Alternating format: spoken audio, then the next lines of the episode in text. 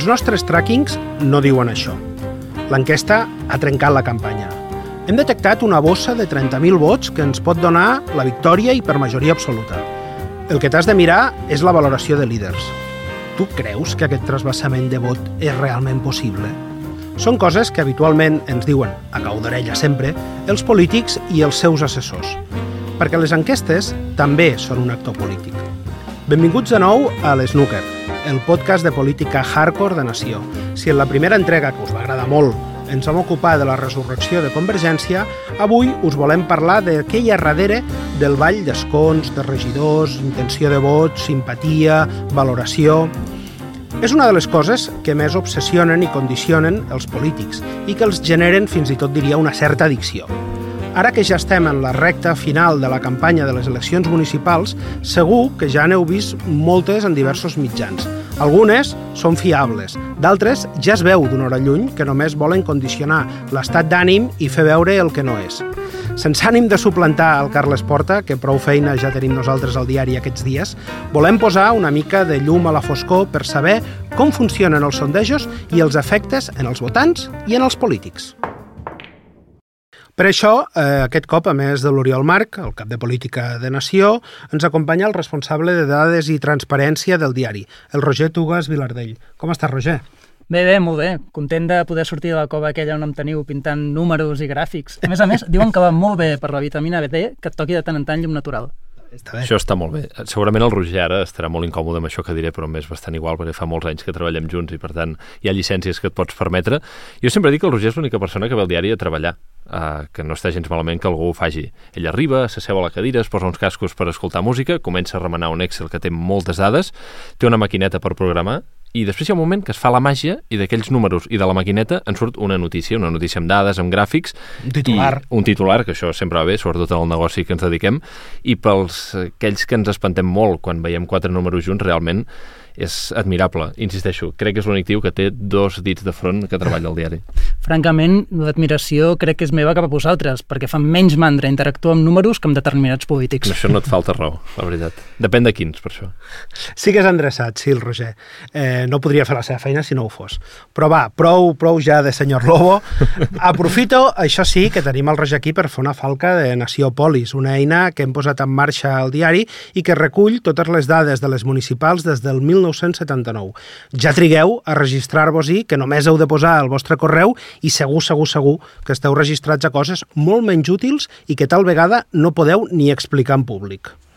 Dit això, Roger, ara anem una mica amb pollastres sense cap, revisant enquestes i interpretant les tendències.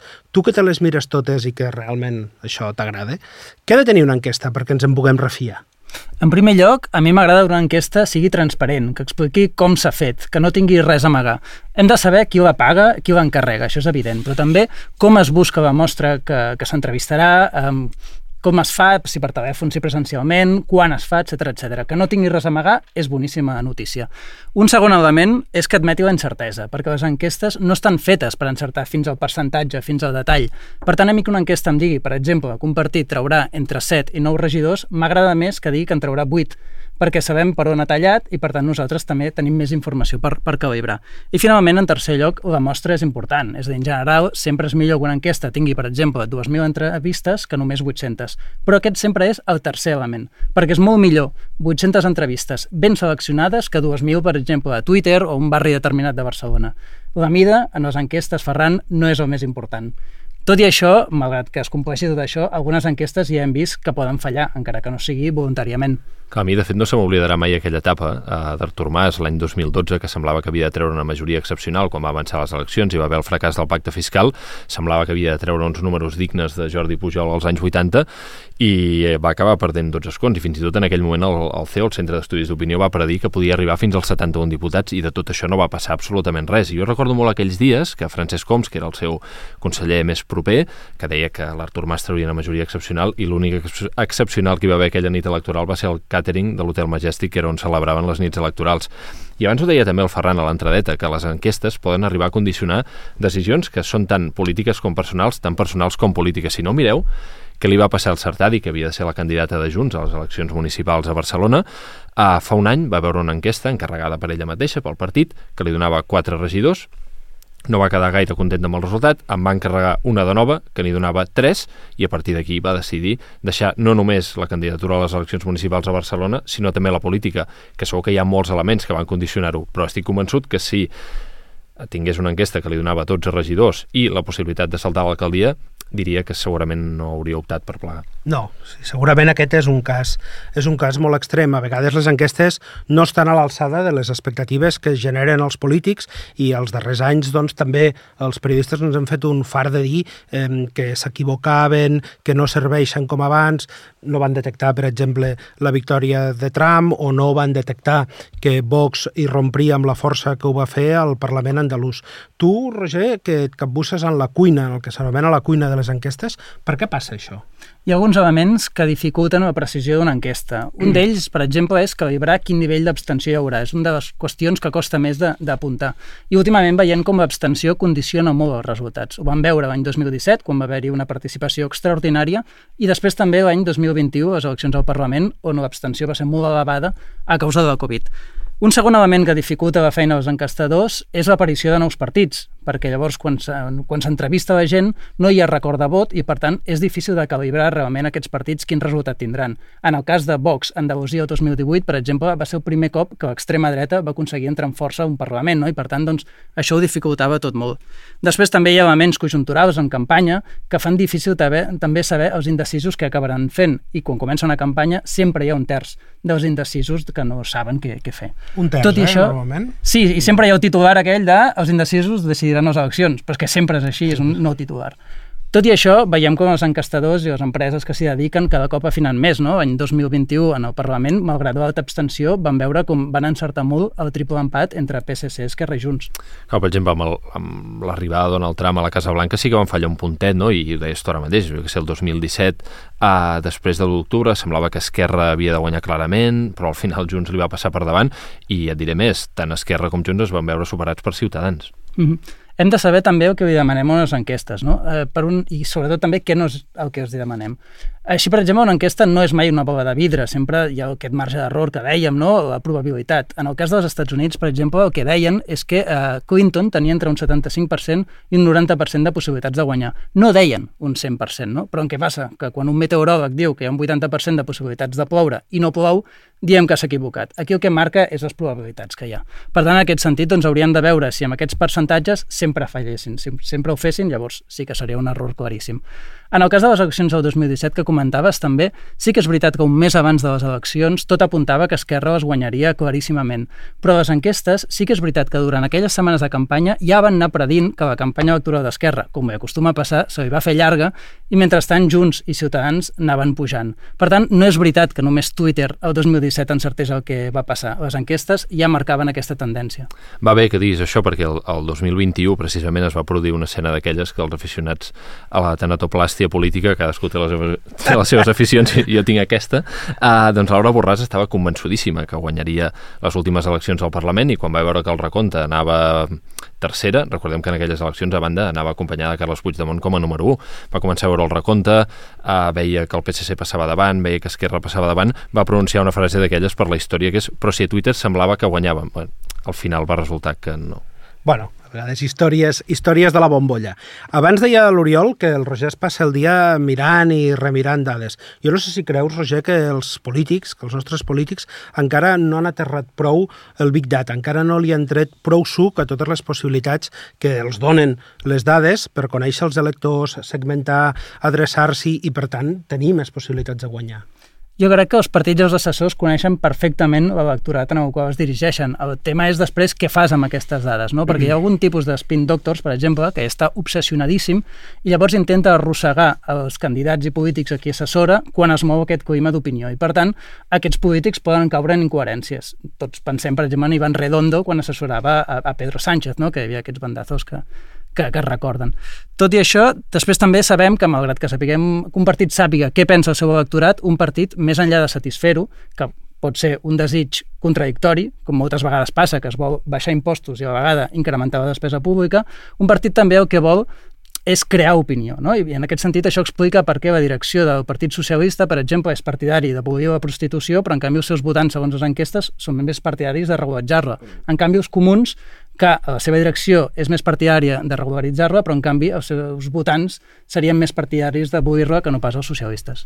I ara que tenim el Roger aquí, tinc una pregunta per tu, no vull desaprofitar aquesta oportunitat, que si sou lectors del diari, o si esteu escoltant això, uh, o esteu mirant, segurament ho sou, i aprofito per dir-vos també que sou una espècie en extinció, uh, segur que sabreu que, que a Madrid, cada vegada que hi ha un baròmetre del Centre d'Investigacions Sociològiques, el CIS, es posa l'accent en les presumptes manipulacions que fa el seu cap, el seu responsable, que és José Félix Tezanos, que té un nom d'aquest una mica de tinent coronel destinat a l'estranger.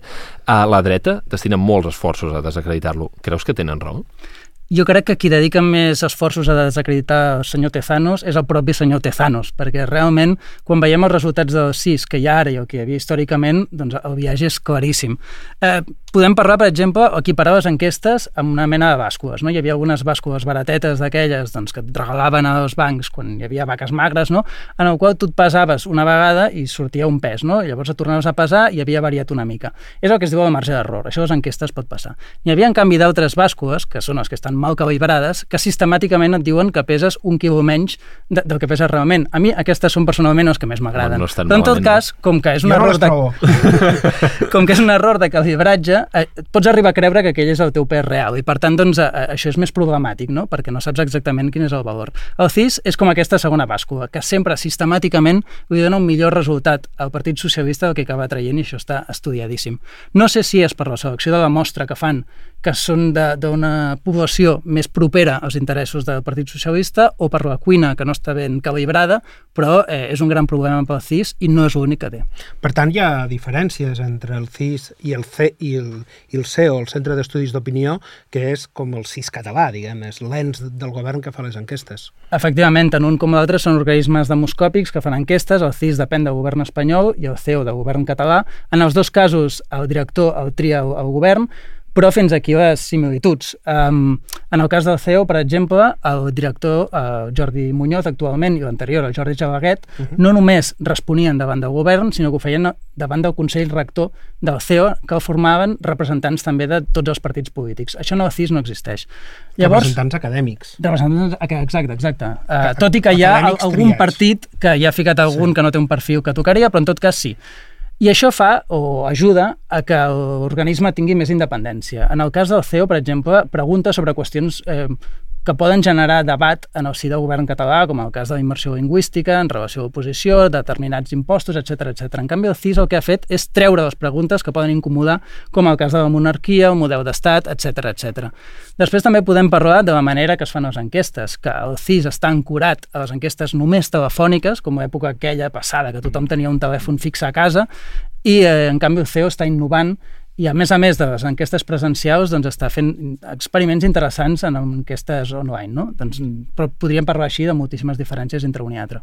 Bé, doncs ara que hem escoltat el Roger, d'enquestes jo crec que ja podem dir que en sabem una mica més, que com a mínim sabem com moure'ns, i per acabar-ho d'ampliar, ara en parlarem amb tot un especialista, amb l'Àngels Pont, que és directora de GESOP, una de les empreses que s'hi dediquen i que té més prestigi del sector i que ha treballat pel Centre d'Estudis d'Opinió, que ara en parlam, o pel Periòdico de Catalunya durant molts anys, i amb ella doncs, intentarem acabar de posar llum a la foscor.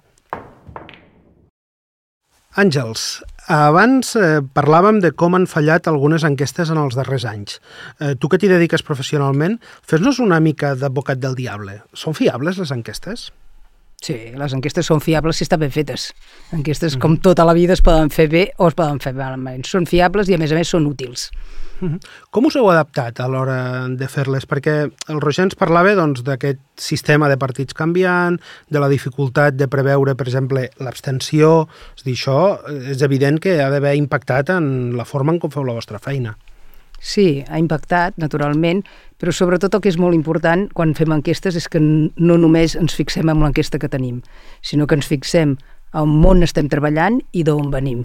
I tenim tanta història ja electoral, coneixem també els electors de cadascun dels llocs que a vegades fallem, però que ens permet molt bé fer una anàlisi, l'anàlisi històrica ens permet eh, entendre millor aquests moviments que, que hi ha. És dir, l'anàlisi històrica té, podem dir, cada cop més pes en la cuina, amb com aquestes dades brutes agafen i es refinen per acabar donant aquestes forquilles No sé si- d'escons o regidors? No sé si més, però és, és important, sempre ho ha sigut, eh? però uh -huh. eh, efectivament potser cada vegada més, no? I els fem massa cas a les enquestes? Dic perquè a vegades fa la sensació que hi ha alguns polítics que governen pensant en les enquestes, eh, és dir, que cada mesura que prenguin, quin impacte tindrà al proper CIS, al proper CEO o a qualsevol enquestes, més que no pas en l'impacte real en la societat, en les polítiques públiques. No sé, jo crec que potser se'ls hi fa poc cas o potser no es llegeixen de la manera que s'han de llegir. Si efectivament les enquestes només acaben de servir, a vegades és veritat que tens la sensació no? de que únic i exclusivament s'estan fent coses per veure què diran les enquestes. Llavors, això és fer Per veure un què ma- diran això... amb vots. Exactament. No Però per saber l'interès ciutadà. Clar, però això és un mal ús de les enquestes. Però les enquestes eh, el que ens donen és molta informació per saber mm, què és el que vol la gent, què és el que necessita, com ens podem dirigir millor a la gent. Quan s'utilitzen per una altra cosa, doncs, eh, evidentment no és el seu ús intrínsec que ha de tenir el d'una enquesta, que és donar informació per prendre millors decisions. Els partits, per exemple, mm, pregunten per vot, evidentment, no? Sí. volen saber quina és la seva intenció de vot, però pregunten també per la percepció de les polítiques públiques que té la ciutadania, què agrada més, què agrada menys, què és el que està demandant en cada moment la ciutadania en temes concrets, doncs penso, per exemple, en l'habitatge o en les polítiques de seguretat. Sí, és que de fet és molt important, eh?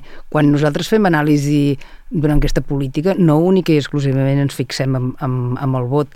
Per exemple, abans que comentaves lo de l'abstenció, veure l'estat d'ànim de, de, del lloc on estem treballant és molt important, si la gent està enfadada o no està enfadada, si està content ara ens trobem, per exemple, en ajuntaments que la gent està satisfeta amb l'alcalde encara que no el voti, doncs no és el mateix si, està, si és un, no és el teu alcalde però et sembla bé o no és el teu alcalde i et sembla malament. Una cosa mobilitza més que l'altra. Per tant, són tot una sèrie d'indicadors que tenim que són molt importants i per descomptat tot el tema de la gestió i els temes més importants que marquen les campanyes mm. venen d'aquí. Si es poden dir noms, qui és que has vist més obsessionat amb les enquestes? Mm, tothom està bastant obsessionat amb les enquestes quan, quan, és, el, quan és el moment. No, no, no et podria dir noms concrets. Eh? Quasi que va més amb el caràcter de la persona, no? I, I ara, per exemple, estan més obsessionats amb les enquestes, jo crec que els assessors polítics que els polítics, eh, que estan molt allò que et truquen quan donen la campanya eh, cada dia tres vegades com, com, com va. Però no... Sovint sembla, eh, i això crec que és, desprestigia el sector, les empreses que us hi dediqueu, que quan un partit filtra una enquesta interna sempre és perquè el beneficia. De fet, en la precampanya de Barcelona ha passat una cosa que rac ha explicat quatre enquestes internes de partits, no? del PSC, de Junts, d'Esquerra Republicana i dels Comuns, que eren quatre enquestes que els donaven eh, un, un bon resultat, no? Però són els partits els que manipulen a l'alça els resultats o fan que es manipulin a l'alça o és que només filtren aquelles que els hi surten bé, les fotos on queden guapos? Jo, si he de parlar pel meu cas, es filtren les que ens surten bé. Vull dir-te, en, en, en general, les empreses el que volem és treballar bé i, i que la nostra marca quedi, quedi en positiu. Llavors, els partits, què és el que filtren? Però com tothom, eh? vull dir-te, això és com els mitjans de comunicació, no? Quan surts bé, quan es fa una enquesta d'audiències, doncs en parles molt i si no surts tan bé, doncs en parles menys. Doncs els partits en aquest sentit fan el mateix. I en el cas de Barcelona, com que realment estem en una campanya eh, que és molt, molt, molt frec a frec, molt frec a frec. Mm, eh, jo recordo una enquesta no? que donàvem entre el qui en tenia, dels tres primers, el qui en tenia menys tenia 19 i el qui en tenia sí. més tenia 21. Sí. Això realment, amb el, amb el marge d'error, direm, és, és, és un empat tècnic. Amb el cas de Barcelona, ara que ho dius, per cert, abans has parlat de com està de disputat, eh, Ada Colau diu que té un índex de rebuig del 70%, i malgrat tot, i per exemple, doncs, l'última enquesta del CIS ens ho torna a dir, que eh, pot guanyar les eleccions, que està en una posició capdavantera. És un fenomen curiós, no? Bueno, és un fenomen curiós, el que passa que, és a dir, no té ningú enfront. És veritat que hi ha unes dades de ciutat, unes dades de rebuig molt altes, però també la gent que li agrada la Colau, li agrada molt la Colau. Uh -huh. Per tant, són persones que també estan molt mobilitzades per anar-la a votar. Uh -huh. Um, tornant una mica al que estàvem abans, no? amb aquestes enquestes que es filtren i en aquest cert desprestigi de les empreses, per exemple, hi ha un cas, no? em sembla que és Celestetel, que les fa per un candidat de Barcelona, pel Bosseller, que explica en una enquesta que li don tres o quatre regidors. I és l'única enquesta de totes les enquestes que s'han fet de totes les empreses que li dona representació. Sí, és raro. Nosaltres hem de dir que les enquestes que hem fet mai ens ha sortit i, i trobo estrany, la veritat és que és uh, una mica incomprensible. És possible que igual fessin l'enquesta no sé, llegint els candidats, no fos espontani, hi ha diferents maneres de preguntar. Eh? Però també, malgrat tot, per moltes diferents maneres que hi hagi de preguntar, no deixa de ser curiós que, que surti amb aquest nivell de, Tu que fa més de 20 anys que et dediques a això, eh, Josep, has rebut alguna vegada pressions per afinar el resultat d'alguna enquesta abans d'entregar-la? De dir, ostres, això no pot ser, com pot ser que dongui aquest resultat? No, per afinar no. Mm, mm, demanar explicacions per entendre's, de dir, vols dir que no t'equivoques, vols dir que això és així, això sí, no?, que et diuen, torna-t'ho a mirar, eh? Home, ens has de, ara ens has d'explicar el cas. Torna, torna-t'ho a mirar. No, el, el, el cas, la primera vegada, la primera enquesta que, que, que vaig publicar per al periòdico, que era durant la campanya d'Euskadi, quan havien de guanyar els constitucionalistes, totes les enquestes deien... La campanya del 2001, Jaime sí. Mayor Oreja candidat. Exacte, exacte. Totes les enquestes sortien i deien que, que guanyaven o que tenien possibilitat de guanyar els constitucionalistes. I el periòdico va ser l'única única l'única empresa vam ser, crec que Son d'Axe, de, de, de Galícia, vam ser les dues úniques empreses que vam dir que no guanyaria el bloc constitucionalista. I en aquell moment el, el meu jefe, de, que era a Madrid, em, em va trucar i em va dir, escolta, em vols dir que, que, que, de, que, que això, que, que anem bé? Mm, ens ho vam tornar a mirar i vam dir, sí, sí, això és el que passarà, i va passar. I vau tenir raó. Vam es, tenir es pot raó. entendre una mica perquè en el context madrileny jo aleshores estava treballant a Madrid i vaig seguir aquella campanya a Euskadi, eh, seguia la informació del Partit Popular i del Partit Socialista amb aquella campanya a Euskadi, amb Jaime Mayor Oreja i Nicolás Redondo, i dir a Madrid que no guanyarien eh, els dos partits espanyolistes, unionistes al País Basc era, bueno, pràcticament tabú, eh? Sí, sí, sí. sí. Bueno, en, en, durant el procés va passar una mica també en alguna elecció sí. que Madrid es pensaven que, que guanyaria aquí el, el, el no independentisme i després van també, bueno, aquests ambients, no?, que de Madrid sí, sí. A, als altres llocs veuen diferents. Escolta'm, i què en penses cada cop que veus un tuit amb un qüestionari que es fa passar per enquesta acompanyat d'aquella famosa frase ja clàssica de retuit per ampliar la mostra? Jo entro i el contesto. jo entro i contesto.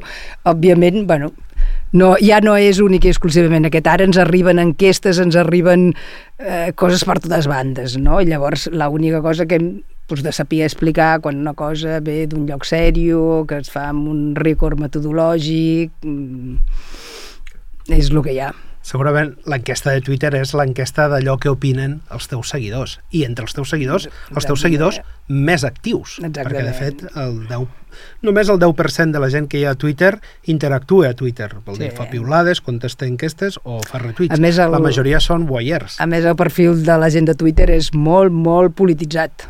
Mm -hmm. és, el, és la xarxa més polititzada de totes.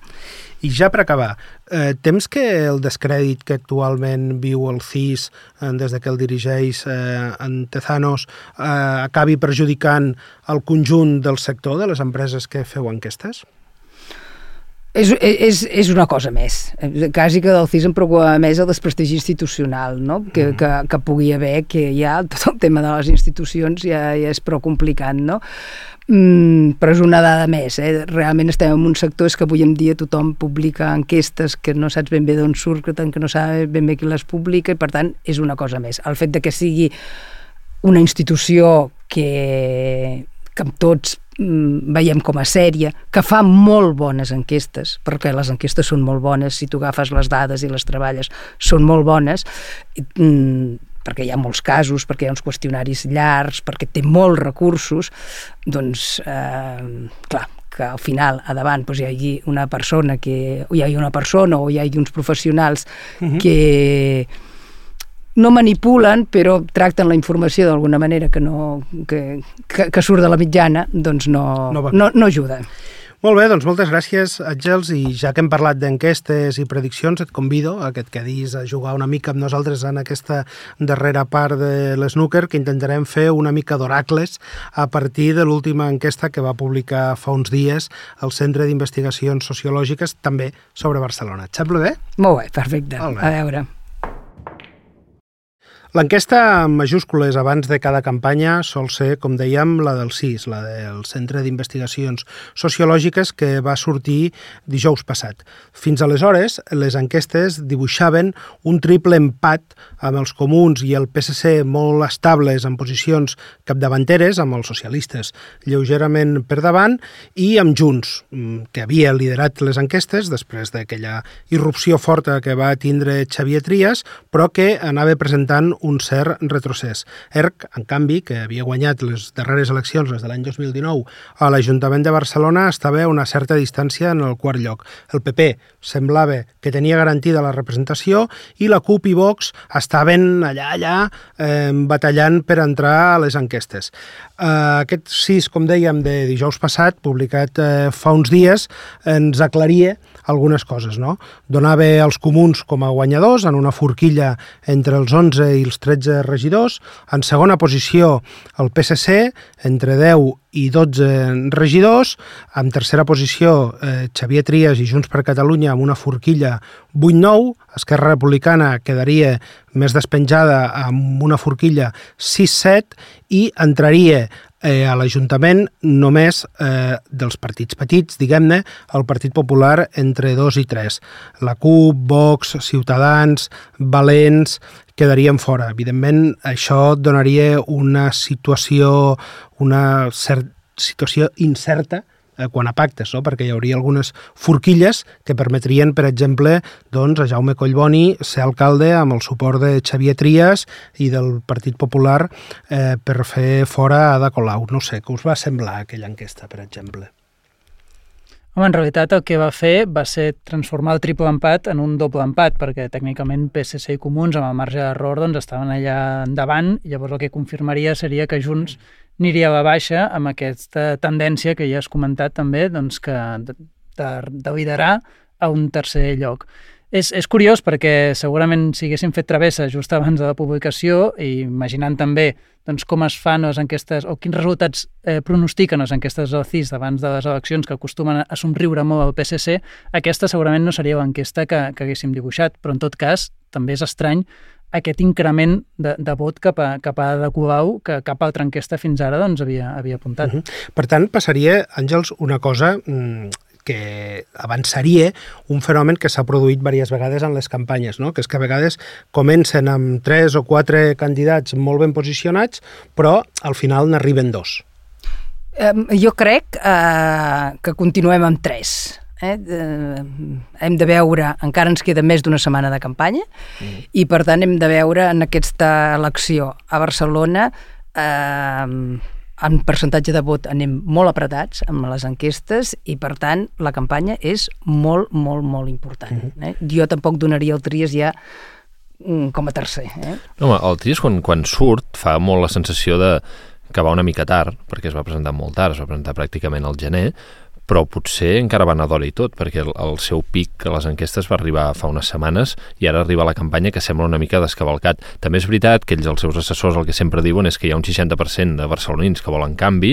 Si Xavier Trias vol capitalitzar aquest canvi amb una cara més o menys amable, és veritat que Jaume Collboni la cara del canvi no ho pot ser tenint en compte que ha estat governant amb Ada Colau fins fa dos dies. Ara, Oriol, el que sí que és cert és que si el resultat de les eleccions eh, el diumenge que ve és el que preveu el 6, el resultat pels independentistes és dolent. La CUP es queda fora de l'Ajuntament, eh, Trias mm, lluny de l'alcaldia i Esquerra Republicana una reculada important en relació al 2019. És que aquestes eleccions segurament són les més genuïnes en el marc del postprocés. L'any 2021 les eleccions al Parlament van ser en pandèmia, per tant hi havia un factor disruptiu que no permetia establir segons quines tendències i és veritat que la fotografia, si la comparem amb el 2019, la diferència és brutal. En aquell moment hi havia presos polítics, hi havia exiliats, es va coincidir amb unes eleccions europees, hi havia molta gent que també va anar a votar Carles Puigdemont, que es va erigir una vegada més com a líder de l'independentisme a les urnes en un moment molt simbòlic, en què en aquell moment, de fet, encara s'estava jutjant els presos polítics al Tribunal Suprem. En ple judici, les eleccions. En ple judici,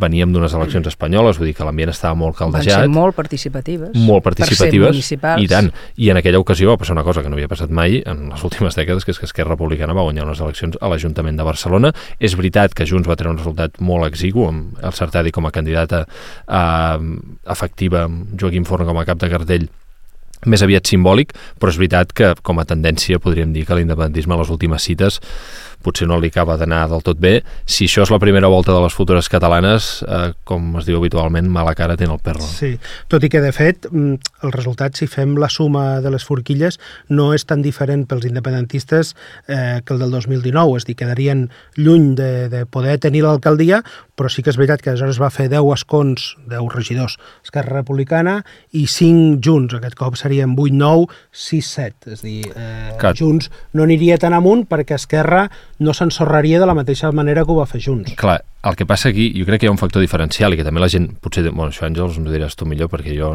no, no em poso la ment d'un encastador, però crec que en aquestes eleccions està tan clar que hi haurà d'haver pactes que també es pot anar a votar pensant en això. Vot tàctic. Una mica tàctic. I també penso, per exemple, que aquesta vegada tu podies tenir molt clar que Ernest Maragall, que va guanyar les últimes eleccions, podia tenir clar que si depenia de Junts arribar a l'alcaldia, podia comptar amb els vots de Junts. Aquesta vegada, a quedar primer sí que és garantia més o menys per ser alcalde o et donen més opcions, però al mateix temps cada segon no et descarta en cap cas per la partida. Per exemple, Jaume Collboni crec que ens podríem apostar algun euro, fins i tot algun dinar gros, a que si depèn de Xavier Trias fer fora de Colau, Jaume Collboni serà alcalde de Barcelona si els números donen. De la mateixa manera que Xavier Trias confia i s'ha interpel·lat més d'una vegada el candidat del PC dir, ei, dona'm els vots, que si no, Ada Colau tornarà a governar. Vull dir que crec, no sé si penses que la gent anirà a votar també pensar una mica amb el cap en aquestes eleccions. Sí, sí que pensarem després a veure el que pot passar i això fins i tot pot acabar afavorint a la, a la Colau. Eh? Mm -hmm. Vull dir-te que per lo que, per lo que veiem a les enquestes. I també no sé si tota la política general també pot acabar eh, tenint alguna implicació amb els pactes. Eh? Al final a Madrid eh, governa el PSOE amb Subar, Sí, que, que és, un, és una entitat estranya. Mar encara. dona suport a Colau, vull dir-te que veurem també. Però bueno, escolta'm, anem a mullar-nos una mica, va. Bueno, va. Anem a fer la nostra porra, treure la bola de vidre eh, de com aniran De la aquestes... bola de billar a la bola de vidre. De la bola de billar a la bola de vidre, de com aniran aquestes eleccions a l'Ajuntament de Barcelona. Quants regidors creieu que trauran els comuns, que traurà Barcelona en comú? Amb marge d'error o sense marge d'error? Mm, Clavats, Roger. No, no, no, no s'hi valen forquilles mm, Bueno, aparquem el rigor un rato, va. ah, Sí, anem a i jugar. juguem. Jo en dono 10. Tu n'hi dones 10. Oriol, 11. 11. Àngels, 10. 10. Jo n'hi dono 11. És dir, estem tots 10-11, una miqueta més baixos que el CIS. Quants n'hi donem al PSC? Roger, Jo en dono 9. 9. Oriol, 10. Jo 10 també. Àngels 10 i jo n'hi dono 9. Està Estem també 9-10. Estem tots molt igualats, eh? Sembla que ens estiguem copiant. A Junts, quants n'hi doneu, Roger? És una mica trampa perquè començo jo, per tant us copieu vosaltres. jo a Junts en dono 10. Jo no ho descarto tampoc. N'hi dones 10. Uri, I jo n'hi dono 9. Àngels? Jo també 10. 10. Jo també n'hi dono 10. Esquerra Republicana, Roger, Vinga, 7. 7. Uri, Ai, vaig a roda del Roger, 7. 7. Jo 6. 6. I jo n'hi dono 7. Per tant, estem tots en regidor amunt, regidor avall, eh, de moment. Em sembla que ho haguem parlat, eh? Sí, el Partit Popular, Roger, 3. 3. Oriol, 4. 4. 5. 5 i jo n'hi dono dos. Aquí sí que hi ha més diferències, eh? Ens movem amb una forquilla Sí, sí, molt més i àmplia. amb el Cirera dos, discrepem, tu. Dos, cinc. A la CUP, Jo crec que entren amb dos. tu creus que entren amb dos? Jo diria que queden fora. Que queden fora. Àngels Fora. queden fora perquè ja no te'n queden, com a l'Oriol. Si m'hi se m'han acabat ja els regidors. I, I jo n'hi dono dos. i per tant eh, ja no n'hi donem cap, cap de nosaltres quatre, ni a Vox, ni a Ciutadans, eh, ni, Ni a a Valents. Valents. Ni a Daniel Bosseller, que és un Ni a dels Daniel candidats Bosseller, preferits en aquestes exacte. Bueno, l'Àngels és qui ho dona més obert, no?, amb aquest triple empat a 10 regidors al capdavant, entre els comuns, el PSC i Junts. L'Uri i jo diem eh, els comuns, que queden davant amb 11, i el Roger dona un empat a 10 entre eh, els comuns i Junts. No sé qui preveus que pugui guanyar en vots, però... Això no m'ho has demanat, per tant, No ho diràs. si no és davant del meu advocat, no parlaré. És que la porra bona és dir qui serà alcalde, però no la farem perquè crec que és mullar-nos És, massa. és la més difícil. És la més difícil. difícil sí. Bueno, escolta'm, i abans de marxar, jo crec que el Roger ens ha d'explicar una anècdota que té amb l'Àngels Pont. Sí, és, és treure'm una espina, perquè és el segon cop que la veig, jo admiro moltíssima feina que fa davant de GESOP, però admiro tant que, que fins i tot no ho tinc en compte. Que va venir a fer una classe en el postgrau sobre anàlisi de dades que vaig fer fa 4 anys per aprendre una mica doncs, doncs això Tot de, això que fas? de Sí, la màgia, la l'estadística màgia. i aquestes coses i ens va venir a explicar com es fa una enquesta i va ser una classe molt interessant, però va haver un moment molt, molt, molt divertit que va començar a criticar un article de premsa en el qual deia, entre altres coses, que eh, un dels incentius de vot al PSC era el nivell de riquesa, és a dir, tenint en compte altres variables, el fet que hi hagués més renda en un, en un barri determinat incentivava el vot cap, a, cap al PSC. Recordo la frase va ser, quan fas una anàlisi de dades, si el que et surt és absurd, és molt probable que l'anàlisi estigui mal fet. En aquell moment va ser quan vaig aixecar el braç i vaig dir, aquest article és meu, per tant, si podem deixar-ho aquí serà millor. I, I bé, bé, després vam estar-ho parlant. És veritat que no havia acabat el postgrau, segurament si ara fes aquell article el faria diferent. Tot i això, les conclusions, i ara que veiem que el PSC va buscar una mica el vot conservador, segurament no, no serien tan diferents. Home, En tot cas, jo crec que aquesta anècdota demostra que els periodistes, i jo sempre ho he dit moltes vegades, no? perquè ens equivoquem molt nosaltres, eh, jo crec que la clau és que som honestos, però no som infal·libles, no? I això és evident. Moltes gràcies, esperem que us hagi agradat, que n'hàgiu après una mica més, que ho hàgiu entès una mica bé. Moltes gràcies a l'Àngels i ens tornem a veure el proper snooker. fins la propera. Fins la següent. Molt bé.